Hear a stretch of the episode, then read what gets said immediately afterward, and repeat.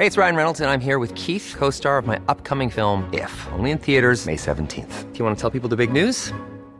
All right, I'll do. Sign up now and you'll get unlimited for $15 a month in six months of Paramount Plus Essential Plan on us. Mintmobile.com slash switch. Upfront payment of $45 equivalent to $15 per month. Unlimited over 40 gigabytes per month. Face lower speeds. Videos at 480p. Active Mint customers by 531.24 get six months of Paramount Plus Essential Plan. Auto renews after six months. Offer ends May 31st, 2024. Separate Paramount Plus registration required. Terms and conditions apply if rated PG. I'm Sandra, and I'm just the professional your small business was looking for. But you didn't hire me because you didn't use LinkedIn jobs. LinkedIn has professionals you can't find anywhere else, including those who aren't actively looking for a new job but might be open to the perfect role, like me. In a given month, over 70% of LinkedIn users don't visit other leading job sites. So if you're not looking on LinkedIn, you'll miss out on great candidates like Sandra. Start hiring professionals like a professional. Post your free job on linkedin.com/people today. Millions of people have lost weight with personalized plans from Noom, like Evan, who can't stand salads and still lost 50 pounds. Salads, generally, for most people, are the easy button, right? For me, that wasn't an option. I never really was a salad guy. That's just not who I am. But Noom worked for me. Get your personalized plan today at Noom.com. Real Noom user compensated to provide their story. In four weeks, the typical Noom user can expect to lose one to two pounds per week. Individual results may vary.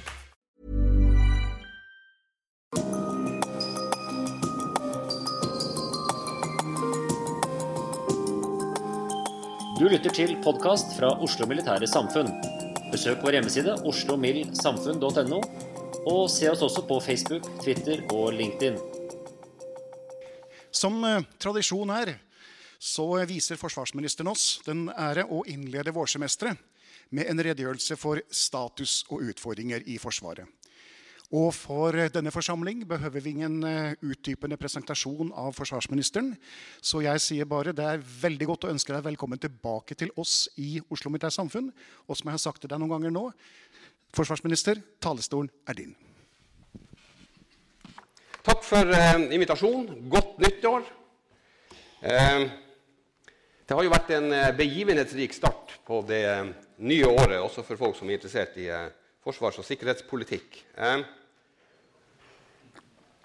de siste, siste ukers hendelser i Irak og den økte spenninga mellom Iran og USA viser med all tydelighet at vi befinner oss i en tid med økt uforutsigbarhet. Og vi befinner oss i en tid med et større sikkerhetspolitisk alvor. I dag har det vært møter i Nato om situasjonen. Eh, og I den nåværende fasen så er sikkerheten til vårt personell første prioritet. Vi eh, vil konsultere tett med irakiske myndigheter, eh, allierte og koalisjonspartnere om situasjonen. Men husk på, det, altså, det som foregår i Irak nå, er altså en politisk prosess. Der man i parlamentet har gjort et vedtak som man overleverer til regjeringa, og så skal regjeringa ta det videre. Vi eh, vil eh, respektere en politisk prosess i et annet land og avventer da derfor kontakt med regjeringa før vi eh, agerer noe eh, videre ut fra det. Vårt personell er i eh, Irak for å trene opp irakiske styrker på invitasjon fra iranske, irakiske myndigheter. Unnskyld. Derfor, om eh, situasjonen krever det, vil Norge i samråd og samarbeid med våre koalisjonspartnere og irakiske myndigheter foreta nødvendige justeringer av vårt styrkebidrag.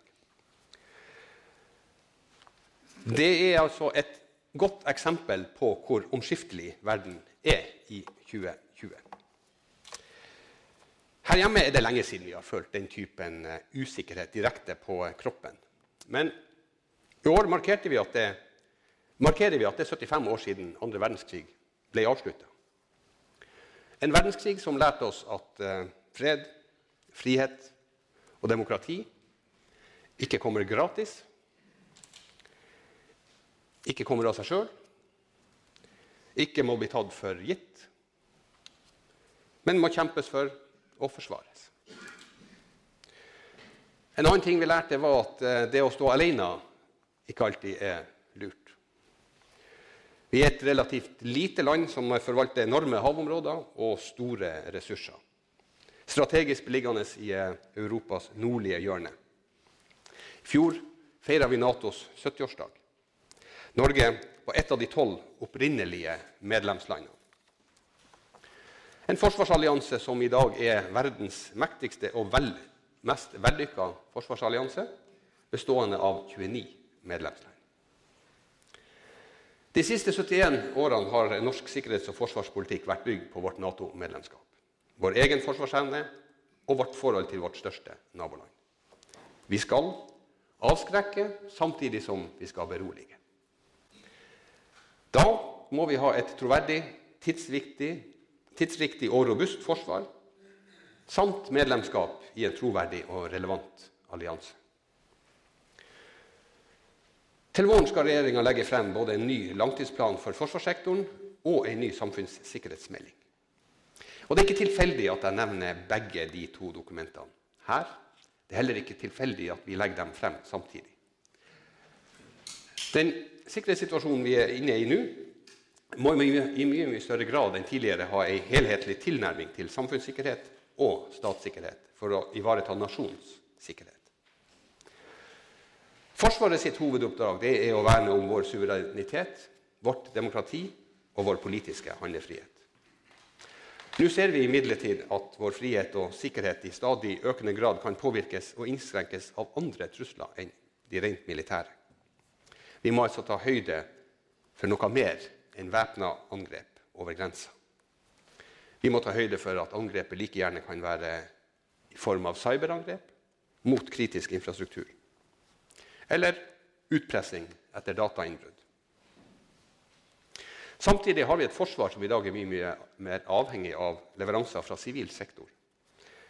Derfor ønsker regjeringa en eh, sikkerhets- og forsvarspolitisk debatt som går utover den tradisjonelle struktur- og lokaliseringsdebatten. En debatt som favner sikkerhet bredt, og ikke bare dreier seg om antall enheter eller soldater, selv om det òg er uhorvelig viktig. Så skal ikke jeg forstås dit hen at eh, geografien eller Forsvaret sin kampkraft ikke er like viktig som før. Vår geografiske beliggenhet med tilstøtende havområder og luftrom er av økende strategisk betydning for stormakten. Nordområdene er helt sentrale for eh, Russland både pga. naturressursene og pga. den strategiske betydninga av Kolahalvøya. Samtidig ser vi en økende interesse for nordområdene fra, vår nærme, fra våre nærmeste allierte. Det fører til at Norges nærområder også får økt oppmerksomhet i Nato. Vi ønsker alliert tilstedeværelse i nord. Det styrker forsvaret av Norge, og det er noe vi har jobba for i mange år. Samtidig er det viktig for oss å kunne bidra til at alliert aktivitet i nord er koordinert og forutsigbar. Noe som igjen bidrar til vår strategiske hovedlinje, balansen mellom avskrekking og beroligelse. Det er derfor avgjørende at Norge har militær kapasitet til å spille en aktiv og synlig rolle i nord, sammen med våre allierte. Som jeg sa for et år siden i, eh, fra samme talerstol, så er Forsvarets struktur for liten til å møte den forverra sikkerhetspolitiske utviklinga i våre nærområder. Dette er også forutsetningen for arbeidet med neste langtidsplan. Utgangspunktet er gjeldende langtidsplan og status i forsvarssektoren. I det arbeidet har vi bedt om innspill fra mange aktører. Forsvarets forskningsinstitutt har laga et uavhengig forskningsbasert innspill. Vi har hatt dialogmøter flere steder i landet. Der har vi henta innspill fra teknologisektoren, næringsliv så vel som fra andre fagmiljøorganisasjoner og lokale aktører og interessenter. Regjeringa har også nedsatt Svendsen-utvalget, som skal se på Forsvarets rekrutterings- og personellpolitikk i et næringslivsperspektiv. Men det mest sentrale innspillet til arbeidet med neste langtidsplan er utvilsomt forsvarssjefens fagmilitære råd. La det være sagt med en gang. Regjeringa vil fortsette arbeidet med å styrke Forsvaret og forsvarsevnen. Det er helt nødvendig, gitt de raske og alvorlige endringene vi nå ser i det sikkerhetspolitiske landskapet. Vi har satt som et premiss, premiss for den nye langtidsplanen at vi vil bevege oss ytterligere i retning av 2 %-målet. Vi skal ha et sterkt nasjonalt forsvar i ei alliert ramme, understøtta av totalforsvaret. Sammenhengen mellom samfunns- og statssikkerhet blir stadig mer kritisk og må ses på som en helhet. Dette underbygger betydninga av at Forsvaret må videreutvikles i et tett samspill med sivile aktører som vel i bi- og multilaterale strukturer. Vi må finne løsninger som øker den operative evnen og samfunnets samla motstandskraft. Totalforsvarskonseptet innebærer at både sivile og militære ressurser brukes til å løse utfordringene både for samfunnssikkerheten og statssikkerheten. Slik sikrer vi best mulig utnyttelse av tilgjengelige, men begrensa ressurser. Dette er god samfunnsøkonomi. Et eksempel er det nasjonale cybersikkerhetssenteret som samfunnssikkerhetsministeren, digitaliseringsministeren og jeg åpna i november. Der samles sivile og militære, offentlige og private, til en felles dugnad for vår digitale sikkerhet. I en stadig mer sammenknytta verden med kortere varslingstid og stormaktsrivalisering så er samarbeid og allianser enda viktigere enn før. Nato har som nevnt vært vår sikkerhetsgarantist i over 70 år. EU har siden kull- og stålunionens dager bidratt til fred i Europa. Det nordiske forsvarssamarbeidet, tross ulike sikkerhetspolitiske forutsetninger, er en modell for samarbeid på tvers av landegrensene. Bilateralt så vel som gjennom forsvarssamarbeidet Nordefco. Neste langtidsplan vil prioritere det bilaterale samarbeidet med nære allierte. Det er imidlertid viktig å presisere at disse tiltakene kommer i tillegg til, ikke i stedet for Nato. Det er et supplement til alliansetilhørigheten vår.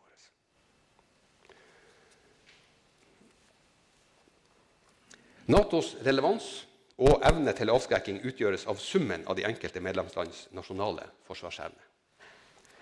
Gjeldende langtidsplan for forsvarssektoren starter et langsiktig arbeid med å videreutvikle sektoren med betydelig økte bevilgninger. Planen styrker grunnmuren i Forsvaret. Vi tar igjen mye av vedlikeholdsetterslepet, vi fyller reserve- og beredskapslagrene, og vi reduserer klartid. Samtidig som personellreformer er i prosess og nytt materiell er i ferd med å fases inn. Planen virker, og planen er god. Vi ser imidlertid at en del av de utviklingstrekkene som ble identifisert den gangen, har bevega seg raskere og i en mer alvorlig retning enn forventa. Den sikkerhetspolitiske utviklinga utfordrer kravene til reaksjonsevne og utholdenhet ytterligere. Den tilsier også et behov for større volum i strukturen, økt slagkraft, bedre beskyttelse og styrka kapasitet til å motta og understøtte allierte styrker. Da den kalde krigen var over, så arva vi en forsvarsstruktur som ikke var bærekraftig. Mye var bra med mobiliseringsforsvaret, og det var riktig for si tid. Men det var for stort og omfattende til at vi kunne opprettholde strukturen over tid. Derfor var reformene etter den kalde krigen nødvendig. Men samtidig så har vi ved å reformere tatt ut den såkalte fredsdividenden. Og Historien er dessverre full av eksempler på at militærmakta ikke har vært forberedt på neste konflikt. Vårt eget forsvar ved utbruddet av andre verdenskrig er et godt eksempel. Vi så de samme tendensene også ellers i Europa. Er det noe vi kan lære av det her? Ja. Vi kan lære at det er nødvendig med kontinuerlig utvikling og en kontinuerlig prioritering av vårt militærvesen. Noe som både er vanskelig og krevende i et demokrati i fredstid over mange tiår. Utviklinga var en naturlig konsekvens av menneskelig optimisme og politikkens krav. Så til politikken. Heldigvis har vi i Norge vært så heldige at vi har kunnet bygge solide og forpliktende forlik når det gjelder nasjonssikkerhet. Det har gjort at vi har hatt mulighet til å ha et langsiktig perspektiv i forsvarsplanlegginga. Det har gjort at vi har hatt muligheten til å ta avgjørelser som det ellers ville vært meget krevende å få igjennom. Sånn at Når vi har vært inne i perioder med nedbygging og fredsdividende, så har Stortinget f.eks. beslutta enstemmig å anskaffe nye kampfly. Det ser vi resultatet av nå. De nye kampflyene oppnådde første operative evne i høst. Dette er et resultat av at norsk sikkerhetspolitikk har vært prega av konsensus og forlik. Derfor søker vi også konsensus og forlik også for den neste langtidsplanen vi skal presentere for Stortinget til våren. Men nå står vi overfor en situasjon som krever nye grep. Vi ønsker å styrke Forsvaret, men samtidig skal vi også jobbe enda smartere. I dag har vi dedikerte, ansvarsfulle og dyktige ansatte og vernepliktige som står på hver eneste dag. Men en av de største utfordringene fremover vil likevel være å rekruttere, utvikle og beholde de rette menneskene. Når Forsvarets operative evne skal styrkes, er det avgjørende å bemanne sektoren med riktig personell, med rett kompetanse, på rett sted. Samtidig må kompetansestrukturen innrettes og balanseres for å ivareta både dagens og morgendagens behov. Fleksibilitet er nødvendig for å sikre at vi ikke på sikt skaper store og varige ubalanser. Det betyr at det fortsatt må tenkes nytt når det gjelder kompetanseledelse og organisasjonsutvikling. Vi har allerede gjennomført en rekke personellreformer. Militærordninga er en slik reform. Utdanningsreformen er òg en slik reform. Endret og et endra og tilpassa utdanningssystem til ny militærordning. Reformene er i stor grad implementert, men det er for tidlig å trekke endelige konklusjoner om konsekvensene av dem. Eksempelvis blir de første kadettene fra den nye offisersutdanninga først uteksaminert sommeren 2021. Regjeringa har også videreutvikla den allmenne verneplikten og førstegangstjenesten, særlig for Hæren. De første soldatene på 16 måneders førstegangstjeneste møtte til tjeneste i høst. Dette er reformer som angir retning for den videre utviklinga av personell- og kompetanseområdet i forsvarssektoren i lang tid fremover. Vi må likevel fortsette å fornye og videreutvikle oss hvis vi skal være relevant. Den teknologiske utviklinga vil prege fremtidens arbeidsmarked, men også bidra til, hvilke, til en større dynamikk i hvilke virkemidler som vil bli brukt i konflikter. Mobiliteten i arbeidsmarkedet øker, og urbaniseringa fortsetter. Samtidig ser vi at andelen arbeidsdyktige i befolkninga går ned, og vil fortsette å gjøre det.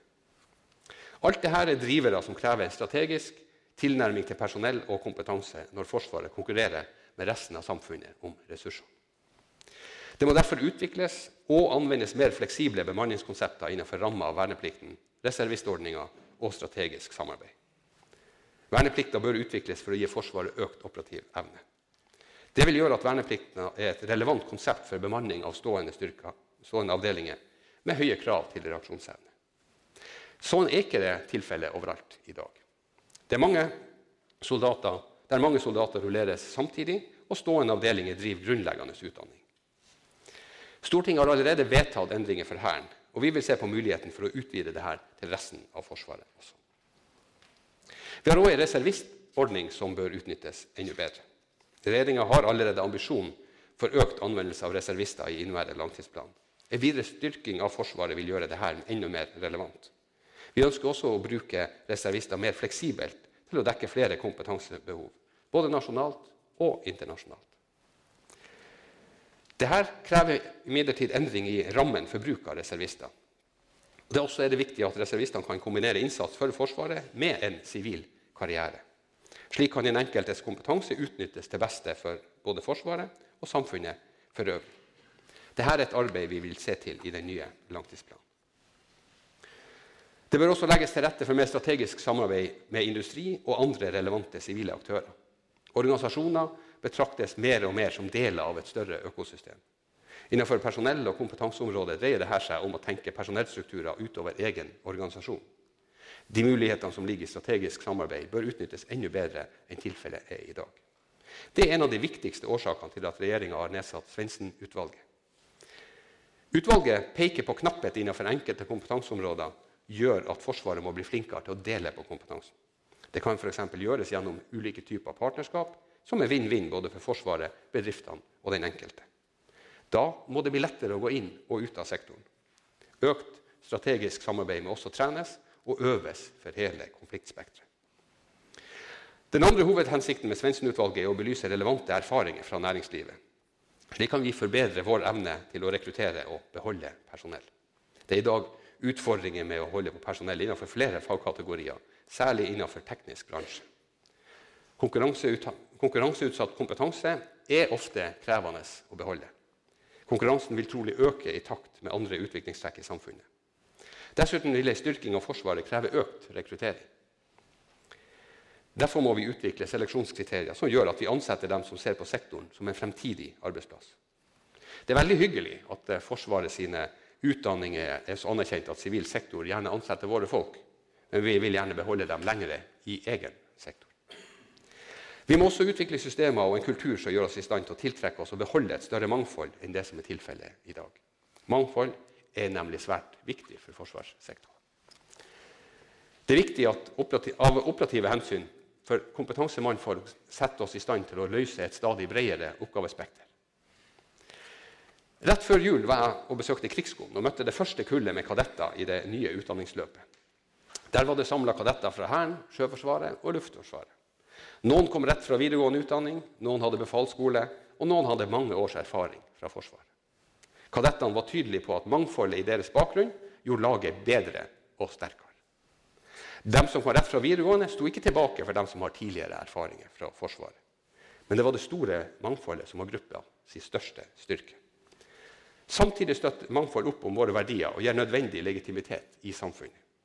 Forsvarssektoren skal derfor romme et bredt spekter av kompetanser, et bredt spekter av bakgrunner og et bredt spekter av kulturer. Arbeidet med å motvirke og håndtere mobbing og trakassering er viktig. Forsvarssektoren skal være en arbeidsplass preget av sosial trygghet. Vi aksepterer ikke ukultur som fører til dårlig trivsel og lite samhold, og som i neste omgang skader vår operative evne. Hele sektoren skal fortsette arbeidet mot mobbing og trakassering. Her har vi alle et ansvar. Livslang kompetanseutvikling er også et sentralt tiltak for å beholde personellet lenger og for å holde tritt med stadig endra kompetansekrav. Her nytter det ikke å sitte på hver sin tua dersom vi skal lykkes.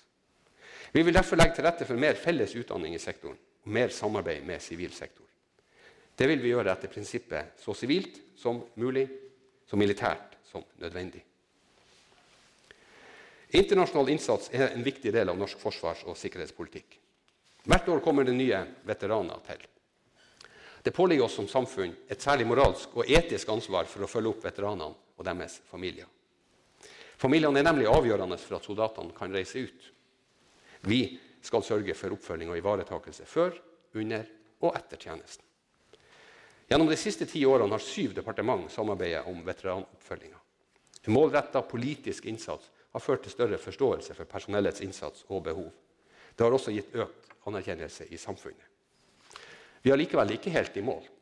Regjeringa vil derfor fremme ei stortingsmelding om personell i internasjonale operasjoner i løpet av vårsesjonen. Det er for tidlig å si nøyaktig hvordan de personell- og kompetansepolitiske forholdene vil bli behandla i neste langtidsplan. Men det er ingen tvil om at personell fortsatt vil være en kritisk suksessfaktor for Forsvaret. Større og raskere bevegelser i, de i, det sikkerhetspolitiske landskapet enn det som ble lagt til grunn, er den viktigste årsaken til behovet for å styrke Forsvaret ytterligere. Det var også en forverring av den sikkerhetspolitiske virkeligheten som var årsaken til styrkinga vi la opp til i gjeldende langtidsplan.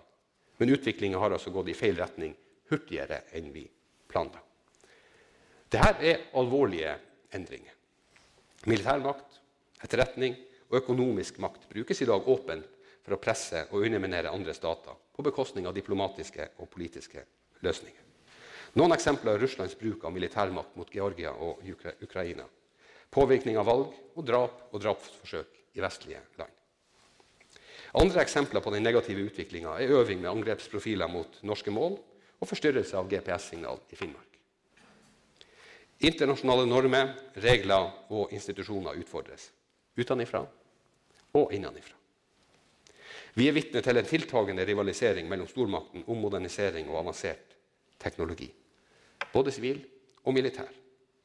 Dette skjer nå i et omfang som kan karakteriseres som et våpenkappløp. Vi ser at den verdensorden som ble etablert etter den andre verdenskrig, utfordres på stadig, flere fronter. Da kan småstater som Norge risikere å miste innflytelse og sikkerhet fordi stormaktene tar seg mer til rette. Småstater med strategisk beliggenhet og rik tilgang på ressurser vil kunne være spesielt utsatt for stormaktene sine ulike interesser. For Norge blir, forblir Russland den dimensjonerende faktoren for forsvars- og sikkerhetspolitikken. Og I løpet av det siste tiåret har de gjennomført en omfattende modernisering av sine væpna styrker. Det er vedtatt at moderniseringa skal fortsette i ytterligere ti år. Forsvarsutgiftene utgjør nå om lag 3% av BNP. Landets militære evne regnes i dag bedre enn noen gang siden den kalde krigen. Moderne og stillegående ubåter gir oss nye utfordringer. De strategiske kjernevåpnene og beskyttelsen av de her har høyeste prioritet. Dette innebærer bl.a. en styrking av det såkalte bastionforsvaret. Høyteknologiske, langtrekkende presisjonsvåpen er i dag operative og kan nå alle deler av Europa. Det russiske militæret har forbedra sin evne til å flytte store mengder personell og materiell på kort tid over lange avstander. Det gjennomføres militære aktiviteter inntil andre grenser uten å varsle på forhånd. Som vi har sett gjennom høsten med f.eks. omfattende marineøvelser utenfor norskekysten, i Skagerrak og i Atlanterhavet. Til sammen medfører dette kortere varslingstid og usikkerhet om intensjon. Russland har også de senere år tydelig demonstrert sin vilje til å bruke militær makt for å nå politiske mål, som å opprettholde innflytelse i sine nærområder og hindre at land i øst søker seg nærmere Vesten, som de gjør med Georgia og Ukraina. Et annet mål kan være å opptre på en slik måte at Russland blir respektert som en internasjonal stormakt, slik vi har sett i Syria. Hey, it's Ryan Reynolds, and I'm here with Keith, co star of my upcoming film, If, only in theaters, May 17th. Do you want to tell people the big news? All right, I'll do it. Sign up now and you'll get unlimited for $15 a month in six months of Paramount Plus Essential Plan on us. Mintmobile.com slash switch. Upfront payment of $45 equivalent to $15 per month. Unlimited over 40 gigabytes per month. Face lower speeds. Videos at 480p. Active Mint customers by 531.24 get six months of Paramount Plus Essential Plan. Auto renews after six months. Offer ends May 31st, 2024. Separate Paramount Plus registration required. Terms and conditions apply if rated PG. Hiring for your small business? If you're not looking for professionals on LinkedIn, you're looking in the wrong place. That's like looking for your car keys in a fish tank. LinkedIn helps you hire professionals you can't find anywhere else, even those who aren't actively searching for a new job but might be open to the perfect role. In a given month, over 70% of LinkedIn users don't even visit other leading job sites. So start looking in the right place. With LinkedIn, you can hire professionals like a professional. Post your free job on linkedin.com slash people today. De siste årene har vi også sett økt bruk av flere virkemidler for å svekke samholdet mellom vestlige land. Fra Russland, men også fra andre land. Virkemidlene har blitt mer effektive som følge av den teknologiske utviklinga. Evne og vilje til å påvirke i fiendtlig hensikt truer også den interne tilliten i samfunn som er bygd på liberale, demokratiske verdier. Formålet er å skape splid og destabilisere motparten, men på en måte som gjerne er under de tradisjonelle tersklene for væpna konflikt. Dette omtales som hybrid eller sammensatt virkemiddelbruk og kan forekomme i sikkerhetspolitiske gråsoner mellom fred og konflikt. Bruk av sosiale medier for å manipulere og fordreie samfunnsdebatten eller gjennomføring av valg illustrerer dette fenomenet. Påvirkning på denne måten bidrar til å viske ut skillet mellom statssikkerhet og samfunnssikkerhet. Det er også veldig krevende å iverksette effektive mottiltak. Vår styrke i vårt samfunnssystem ligger i hva vi er, og hvilke verdier vi har. Det er f.eks. Vår felles, våre felles demokratiske verdier som utgjør selve kjernen i Nato. Det kan være vanskelig å treffe konkrete og effektive tiltak mot påvirkning fra andre stater. Vi vet imidlertid at vi fortsatt må prioritere arbeidet for integritet og godt styresett hjemme og ute. Samtidig vil erkjennelsen av at våre verdier er under press, føre til økt bevissthet i den løpende debatten, og dermed også i utviklinga av verdiene våre. Derfor, og nettopp der ligger, styrken, ligger vår styrke som et vestlig, liberalt demokrati.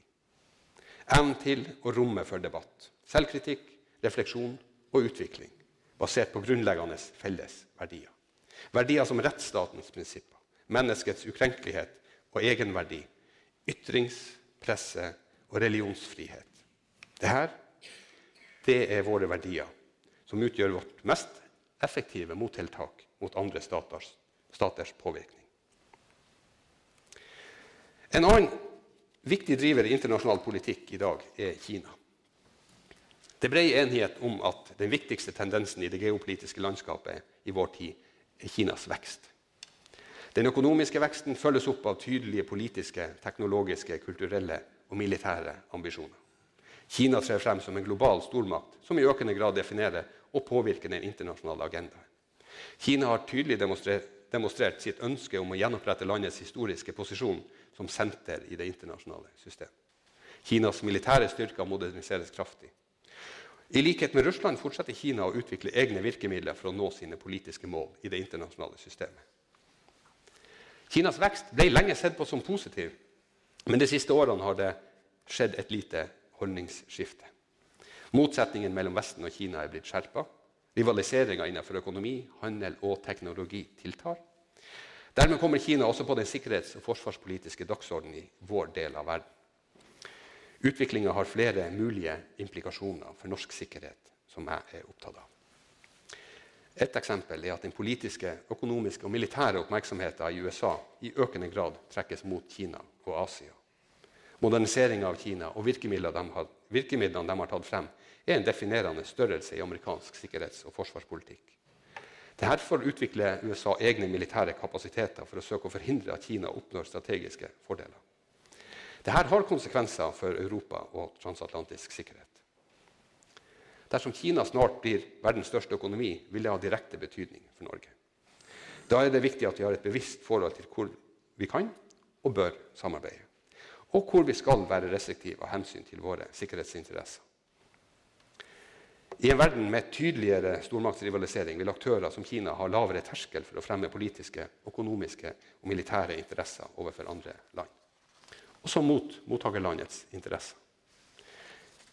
Vi skal altså ikke være naive i denne dynamikken, men verne om de verdier vi har, og som vi fortsatt ønsker innflytelse. Både E-tjenesten og PST navngir Kina som en utfordring for Norge. I dette ligger det bl.a. en erkjennelse av at Kina er en aktør som får stadig økt kapasitet til å kunne utfordre også norsk stats- og samfunnssikkerhet. Ikke minst gjelder dette i det digitale rom. Vi må derfor tenke grundig gjennom hvordan disse nye problemstillingene håndteres. For å si det enkelt så står nok debatten mellom dem som mener at Kina er et land vi kan velge å forholde oss til, og de andre som har kommet til erkjennelsen at Kina må vi forholde oss til.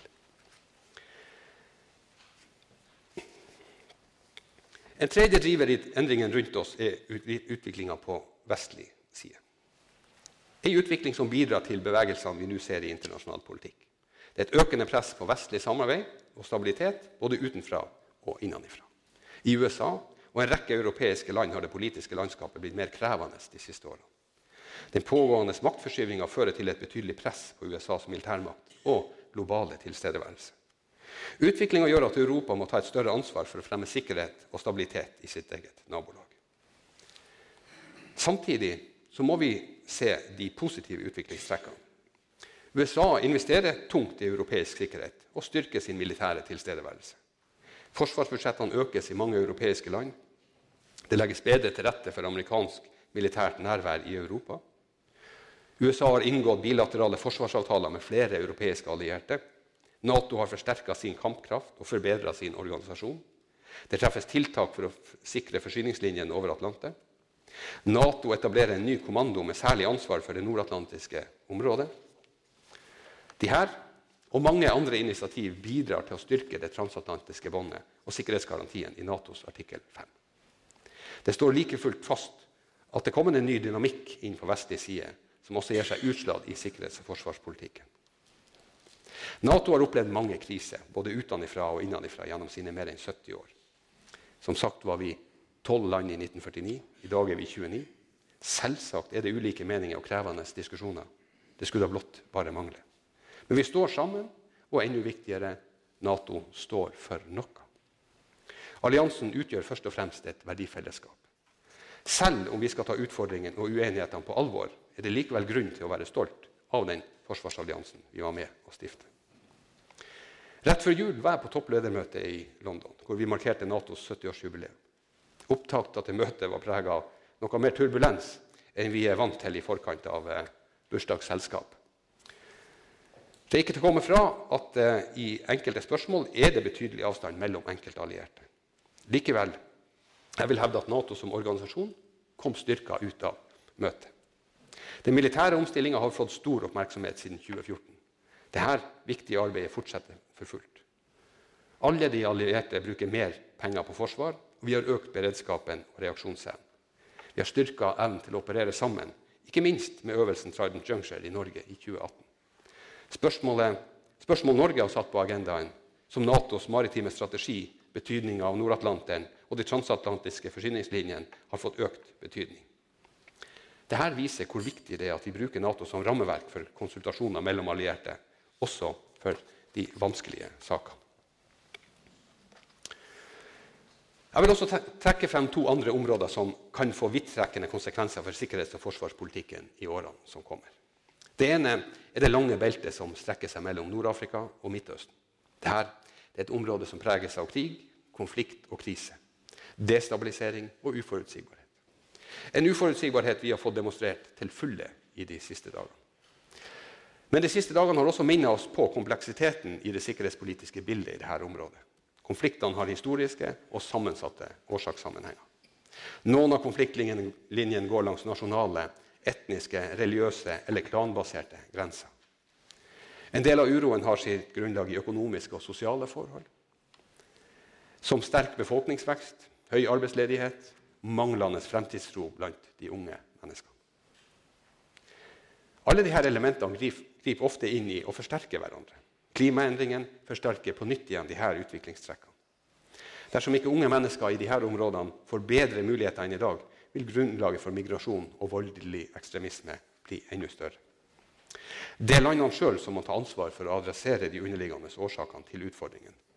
Men det er noe de ikke vil klare alene. Det vil i lang tid være behov for vestlig støtte i denne delen av verden, både med sivile og militære virkemidler. På militær side er det stort behov for støtte til, bedre, til å bedre kompetansen og kapasiteten til de nasjonale militære styrkene. Den siste drivkrafta jeg vil nevne som fører til endringer i det sikkerhets- og forsvarspolitiske landskapet, er utvikling av ny teknologi. Og her snakker vi om en utvikling med så stort omfang og så store konsekvenser at det blir kalt den fjerde industrielle revolusjon. Mye av denne utviklinga skjer i sivil og privat sektor, i de ledende globale teknologiselskapene. Men teknologien kommer også til militær anvendelse statlige, innen statlige og ikke-statlige aktører. Vi arbeider kontinuerlig med å finne ut hva den nye teknologien betyr for oss. Her er vi avhengig av å lytte til kompetente fagmiljøer dersom Forsvaret skal være ledende innenfor relevante teknologiområder. Når organisasjonen skal ta i bruk ny teknologi, handler det aller meste om innføringa, av innføringa om andre ting enn selve teknologien. Det handler om kultur, personell, kompetanse, organisasjon og ledelsesforankring. Ny teknologi må ikke bare tilpasses eksisterende organisasjon og operasjonsmåte. Den vil ofte definere hvordan vi organiserer oss, og hvilken kompetanse vi har behov for. Ja, ny teknologi vil definere hvordan vi opererer. Et eksempel fra Forsvaret er innføring av F-35, som vil bidra til å endre måten Luftforsvaret og Forsvaret opererer på. Kampfly er en enorm ressurs som vil gi store fellesoperative synergier. Men for å kunne utnytte det her, må vi utfordre oss sjøl og sørge for at organisasjonen tilpasser seg. Teknologisk setter F-35 standarden som andre setter F-35 standarden som andre plattformer må strekke seg etter. Vel så viktig i denne sammenhengen er at vi tør å utfordre gamle sannheter og rive oss løs fra silotenkning. Med høyteknologiske kapasiteter som F-35 er vi nødt til å strekke oss enda lenger. Vi ser for oss en fremtid der samarbeid på tvers av grener og domener er så vanlig at vi heller snakker om forsvarsoperasjoner som den nye standarden. Det er nettopp denne typen muligheter som ligger i F-35-plattformen. Et annet eksempel er satsinga på verdensrommet, eller space. Regjeringas nasjonale romstrategi lansert i desember i fjor skal realisere vår ambisjon om å bli en ledende og ansvarlig romnasjon. En romnasjon med spesiell kompetanse og kapasitet knytta til Arktis. Space var også en del av gjeldende langtidsplan, og vi har allerede sett resultat av satsinga. Ikke bare er den et samarbeid mellom sivil og militær sektor, den har også styrka relasjonene til våre allierte, særlig USA. Partnerskapet med USA vil sikre oss et nasjonalt satellittbasert bredbånd i nordområdene fra 2023, som bedrer kommunikasjonsmulighetene betraktelig. Dette vil styrke både vår og alliansens evne til å operere i nord. At alle enhetene kan kommunisere over bredbånd i hele operasjonsområdet, vil få stor betydning for hvordan vi opererer i og over Barentshavet og Arktis. Innføring av nye systemer har vist oss at vi må bli flinkere og spørre hvordan vi kan få de effektene vi ønsker. I stedet for å anskaffe systemer tilpasset gammel struktur og tenkemåte. Sektoren bør derfor bli flinkere til å kommunisere behov til industrien, ikke lage lange og detaljerte kravspesifikasjoner. Vi må samarbeide tettere med næringslivet, også utover de tradisjonelle forsvarsbedriftene. Vi har et virkemiddelapparat for å støtte forskning og utvikling som vi vil gjøre enda bedre. Det ligger et stort potensial i å styrke samspillet med, eh, mellom virkemidlene i sivil og militær sektor, nasjonalt og i samarbeid med allierte og partnere. Slik kan vi bruke teknologi og kompetanse der den finnes til vår fordel, til å styrke Forsvarets operative evne. Det er altså fem drivkrefter som i særlig grad er drivere for vårt sikkerhetspolitiske landskap. Utviklinga i Russland, Kina og i Vesten, i Europas sørlige og sørøstlige nabolag og innenfor ny teknologi. Det avgjørende spørsmålet for oss er hvordan vi skal møte disse utfordringene. Forsvaret av Norge baserer seg på tre hovedlinjer. Det første er vår nasjonale forsvarsevne hjemme og ute. Den andre er Natos kollektive forsvarsevne. Den tredje er en tilstrekkelig evne til å ta imot forsterkningsstyrker fra alliansen og bilaterale samarbeidspartnere i krise og konflikt. Alle disse tre faktorene må understøttes av et moderne og forberedt totalforsvar. Det er kjernen i vårt forsvarskonsept. Denne kombinasjonen gjør oss i stand til å balansere forholdet mellom avskrekking og beroligelse. Utfordringen blir å styrke disse tre hovedlinjene, sånn at de til enhver tid er best mulig balansert og tilpassa de truslene og utfordringene vi står overfor. La oss da se litt på hva vi faktisk gjør for å styrke forsvaret av Norge langs disse tre linjene. Da vi i 2016 la frem forslaget til inneværende langtidsplan, sa vi at vi i de kommende fire årene vil øke forsvarsbudsjettet med mer enn 8 milliarder kroner.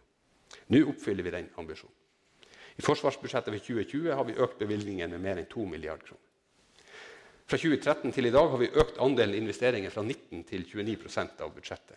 Dette, dette viser både evne og vilje til fornying og styrking. Vi gjør det vi sa vi skulle gjøre. Jeg har nevnt nye kampfly, jeg har nevnt personellreformer. Anskaffelse av nye kystvakter er forsert. Kystvaktskip er forsert. Vi forberedes på å ta imot nye maritime overvåkingsfly fra 2022. I Sjøforsvaret vil vi øke antall besetninger på fregatter og kystvaktskip, slik at de kan utnyttes mer effektivt. I fjor mottok vi logistikkfartøyet Maud. Prosessen med å kjøpe nye ubåter fortsetter. Minerydding til sjøs vil i fremtida skje med ubemanna farkoster. Hærens budsjett vil øke med mer enn 7 og vi vil fortsette styrkinga av landforsvaret i Finnmark. De, nye, de første nye artilleriskytsene har kommet til, til Norge. Hæren er også i ferd med å få tilført kampluftvern. Heimevernet har fått nye feltvogner. Og samtidig investerer vi tungt i ny infrastruktur, som ny kampflybase på Ørland og ny QRA- og MPA-base på Evenes.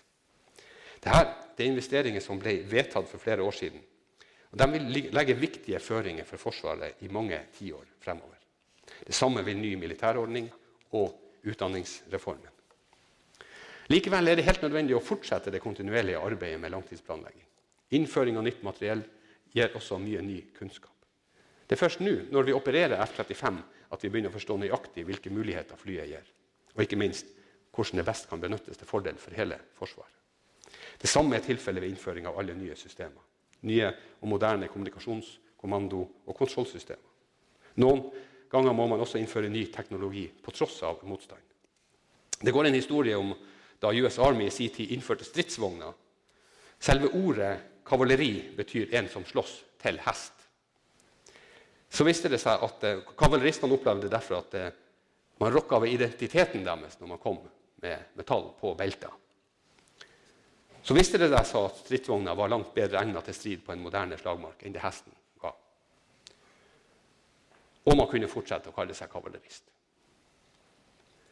Det kan være at innføring av ubemanna autonome systemer i vår tid på mange måter kan være sammenlignes med overgangen til mekanisert krigsføring. Mye av det vi gjør i Norge, styrker ikke bare det nasjonale forsvaret i snever forstand. Når vi legger bedre til rette ved trening og øvelser på norsk territorium og i våre nærområder, så styrker vi vår evne til å samvirke med våre allierte. Når vi inviterer amerikanske militære til rotasjonsbasert trening i Trøndelag og Troms, så styrker vi båndene til vår fremste sikkerhetsgarantist. Her er det altså feil i manuset mitt. Jeg må ta det på nytt. Når vi inviterer amerikanske militære til rotasjonsbasert trening i Trøndelag og nye Finnmark, styrker vi båndene til vår fremste sikkerhetsgarantist. Det nye storfylket Finnmark.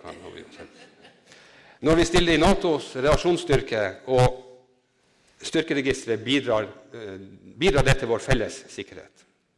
Når vi tar initiativ i Nato for å konsentrere oss mer om alliansens nærområde, øker vi ikke bare alliertes kompetanse på vår del av verden. Vi styrker også troverdigheten til sikkerhetsgarantien i alliansen. På samme måte som når vi er pådrivere for at Nato skal forbedre sin evne til å føre, føre frem forsyning over Nord-Atlanteren. Dette er eksempler på hva vi arbeider med hver eneste dag for å styrke de tre hovedlinjene i norsk forsvars- og sikkerhetspolitikk. Et arbeid vi skal fortsette med også med den nye langtidsplanen for forsvarssektoren. Vi ser nå at den regelbaserte verdensorden vi har kjent, er i endring. Økt stormaktrivalisering setter småstater sitt handlingsrom under press. Dette får konsekvenser vi må ta på alvor. Vi må ta et større ansvar for egen og regional sikkerhet. Utviklinga gjør at, vi, at en videre satsing på Forsvaret og sikkerhet er viktigere enn på svært lenge. Vi har allerede utbedra grunnmuren i Forsvaret. Nå må vi prioritere å bruke de ressursene som er nødvendige for fortsatt økning av vår egen forsvarsevne. Samtidig som vi understøtter og styrker den vestlige forsvarspakta Nato. Vår nasjonale og kollektive forsvarsevne er det som til sammen sørger for både effektiv avskrekking og evne til beroligelse. Slik kan vi legge grunnlaget for fortsatt fred, frihet og sikkerhet. Men da, da må vi sikre at vi har et robust og relevant forsvar. Et forsvar for fremtida. Takk for meg.